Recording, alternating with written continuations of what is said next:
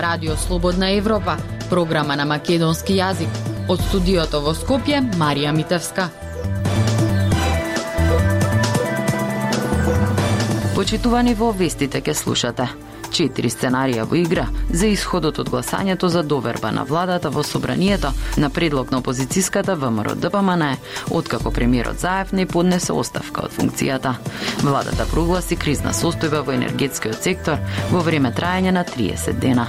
Поскапувањата ќе ја зголемат нееднаквоста и ќе ја продлабочат сиромаштијата и неквалитетниот живот кај семејствата, велат од Македонската платформа за борба против сиромаштија. Останете со нас. Независни вести и анализи за иднината на Македонија. На Радио Слободна Европа и слободнаевропа.мк.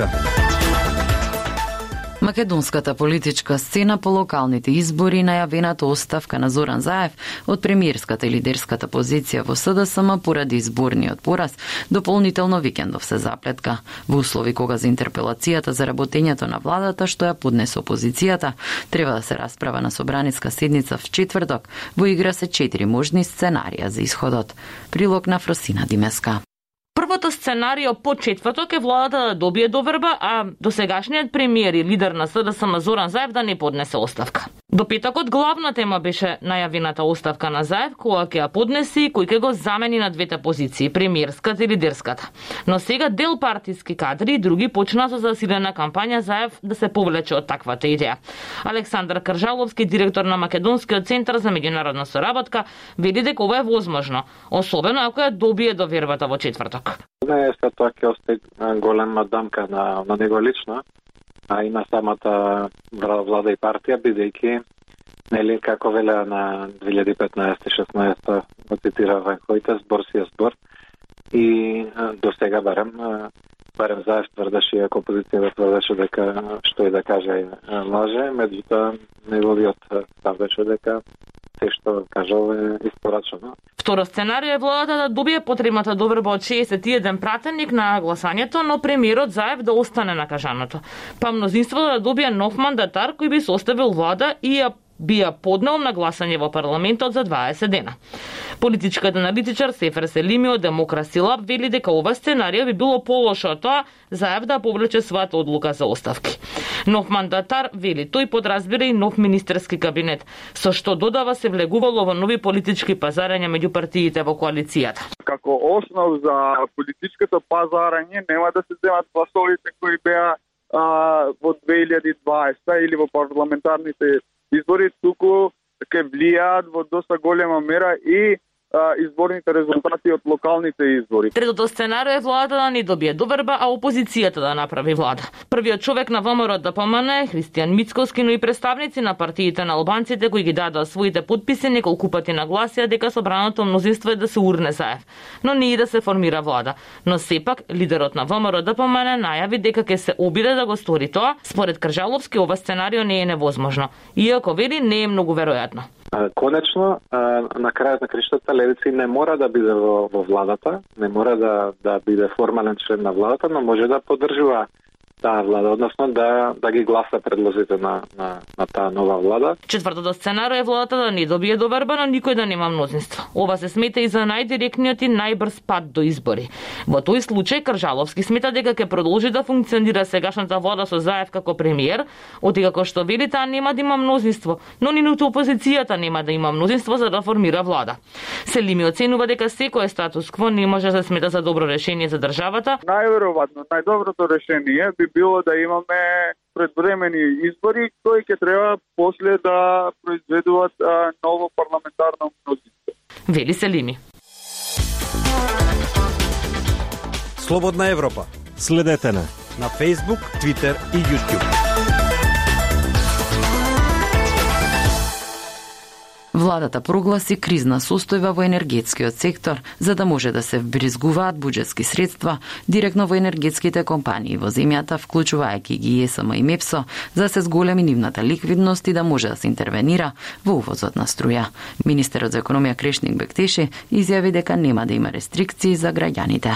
Прилог на Владимир Калински. Енергетската состојба во земјава е критична, а така е бидејќи се направени бројни пропусти во изминатиот период, вели професор Константин Димитров. Тој посочува дека надлежните требале навреме да преземат мерки, бидејќи енергетската криза во Европа се навестувала уште во април и мај, а според него проблем е и незнаењето при водењето на енергетскиот сектор. Најавија пред 4 години дека треба да се отвори рудникот Живојно. Господинот Кочо Ангјушев, најдете пред 4 години, прва задача ни е да го отвориме рудникот Живојно, за да се обезбеди јаглен за нормално работење на Битол е 4 години мина една лопат, не е солена таму. Вели Димитров. Второ, вели Димитров, проблем е тоа што бил стопиран јавниот повик за изградба на двете хидроцентрали Чебрен и Галиште, а трето според него е нереализирањето на изградбата на трите гасни централи по 100 мегавати во Тетовско, Штипско и Велешко. Проблемот со недостигот на енергија во земјава е настанат со растот на цените на берзите во Европа, поради што фирмите кои тргуваат со струја не се во можност да ги испочитуваат договорите подпишани со фирмите и институциите кои од нив набавуваат струја на слободниот пазар. Во таков случај, тие пријавуваат дебаланс во МЕПСО кој што треба да го покрие недостатокот, но на тој начин МЕПСО троши од резервите. МЕПСО веќе има долг од најмалку 15 милиони евра за приклучување на европската енергетска мрежа, зашто компанијата повеќе пати добио помени како што соопштија надлежните ќе трошиме пари или ќе нема доволно или или ако нема пари да купиме електрична енергија, има рестрикции. Терциум мандатот нема трет. Вели Димитров. Од владата за Радио Слободна Европа пред неколку дена одговорија дека компаниите кои тргуваат со струја се виновни за оваа ситуација и дека тие ќе треба да го платат долгот на МЕПСО кон европската мрежа, но сепак владата наведува дека постои можност и државата да им помогне на овие компании. Во македонската јавност веќе има стравување од рестрикции и изголемување на сметките за струја, но македонските власти уверуваат дека рестрикции нема да има, а сметките ќе останат исти до крајот на годината. Министерот за економија Крешник Бектеши минатата недела рече дека енергетската кризна состојба ќе ја прогласат поради големите ценовни шокови на берзите за струја, за да може владата директно да бризга средства во буџетот во ЕСМ и МЕПСО за да се зголеми нивната ликвидност.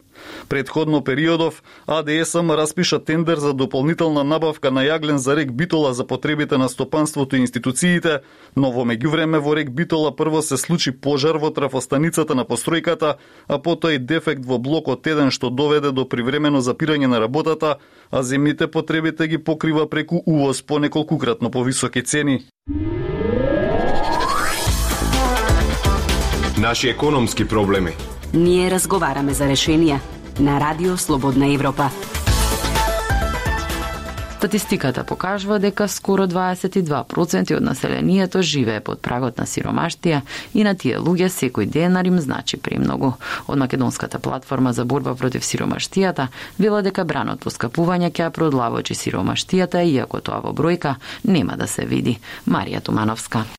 Повисоките цени на горивата, на дел од прехрамбените производи, на зеленчукот и овошјето на пазарите, на храната, на недвижниот имот, веќе некое време се реалност за секој македонски граѓанин. Статистиката покажува дека скоро 22% од населението живее под прагот на сиромаштија.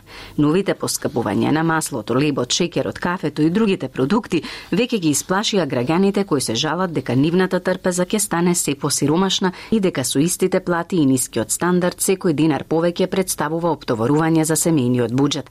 Од Македонската платформа за борба против сиромаштијата велат дека бранот по скапување ќе ја предлабочи иако тоа во бројки нема да се види. Тоа значи дека ако лани семејството имало 6000 динари приход и со тие 6000 динари може да си купи нели одредена количина да го храна да го помине месецот, оваа година со истата сума на пари тие не може да си нема да може да си ја дозволат истата количина на храна, туку помалку. Тоа ќе направи проблем во семејството, иако во бројот на сиромашни ние ќе калкулираме дека сиромаштијата не се покачила.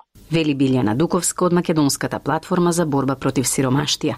Водил делот на тоа како ќе се одразат новите поскапувања врз сиромашните граѓани, таа вели дека тоа ќе значи дека луѓето кои се блиску до линијата на сиромаштија ќе јадат понеквалитетна храна за да ги задоволат своите потреби. Сиромаштијата е појава која одамна е присутна во македонското општество. Со најновите поскапувања може да се очекува само пораст на истата, укажува професорот Зоран Ивановски. Значи, факт е дека е тешко да се предвидува, меѓутоа трендовите во момент покажуваат јасна тенденција на пораст. А тоа секако нели ќе го погоди стандардот на граѓаните, особено за пониските слоеви, значи слоевите со пониски ниво, нивоа на доход. Замразнувањето на цените на некои производи како инструмент кој некои влади го презимаат за ублажување на ценовниот шок, според Ивановски не е најдобрата опција, зашто како што вели истото предизвикува вештачки недостиг на производите и креира сива економија. Оно што државата може да го направи е а, нели дополнително да фискално интервенира, значи со фискални стимулуси, особено да кажеме во делот на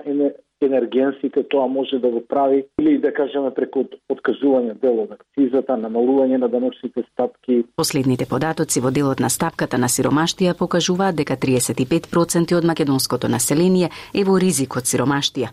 Во моментов граѓаните купуваат поскапа храна за 5 до 10%, а најавите се дека во наредните 3 месеци се очекува раст на цените на основните прехранбени производи од 40 до 50%. Култура и уметност. На Радио Слободна Европа. На 8 ноември во Младинскиот културен центар Скопје во продукција на независното здружение Артопија премиерно беше изведена театарската представа Мајсторот за спомени под текст и режија на Јане Спасич. Драмата ги истражува сеќавањата и нивната поврзаност со театарот и животот, а еве што вели авторот во разговор со Љупчо Јолевски. По експеримент работена во 2017 година, Јане Спасич еве го и со втората представа за независното здружение Артопија. Што е на што овој пат се обиде да го стори авторот и режисерот на Мајсторот за спомени? Па генерално не сакам да пренесувам пораки со представите. Не мислам дека функцијата на театарот е да подлучува и да брка некои вистина. Искрено не верувам во дефинитивниот говор, само повремени. Човек мислам дека расте или се смалува емотивно, умствено и духовно низ животот, па така и неговиве размисли и ставови се менуваат и доаѓаат нови периоди со некои нови прашања. Генерално дори ги работам своите представите, истражувам и си ги поставам прашањата, па никогаш, знаеш, имаат повеќе одговори, па некогаш се тотално спротивни, а еднакво валидни, па низ представите гледам да го споделам патот што го минувам, истражувајќи ги работија што ме возбутуваат. Така во еден период пред неколку години ме заинтригира фактот дека за нешто да запаметиш во животот ти треба некој настан кај што ќе доживееш силна емоција. Без емоција нема сеќавање. И дека некако впрочем твоите ставови, позиција од светот, начинот на кој што сакаш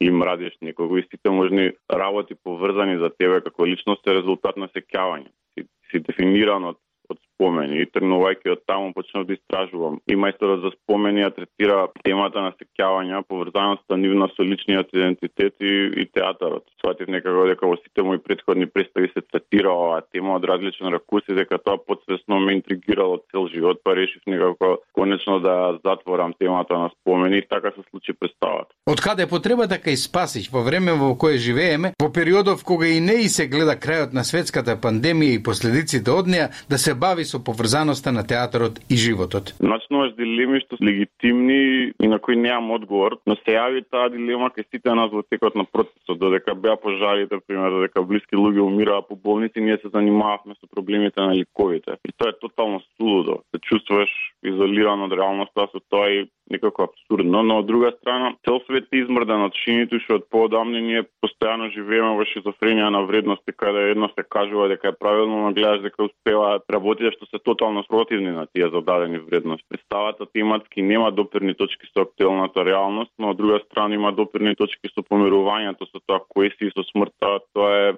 линија на стичија реалност. Тоа е она што ја поврзува со времето во кое живееме и, и ќе ја поврзува со сите генерално. И по завршувањето на овој проект, каде веќе се умислите талка авторот и режисерот Јане Спасич? Ја не веќе оддамна се умисли за талка по некоја плажа, ама тешко е дека ќе стапне со нозе набрзо. Не знам искрено што ќе правам следно. Треба да го завршиме преводот на драмите на Мартин Макдоналд до крајот на годината и тоа ми е проект што го работам со многу кеф, затоа што ми е омилен автор. Друго, стварно не знам, следи година со многу најави, но јасно ние во какво време живееме и затоа не планирам ништо фиксно. Ќе видиме што ќе се реализира. Тоа беше се во вистите на Радио Слободна Европа. Од студиото во Скопје со вас беа Марија Митевска и Дејан Балаловски. До слушање.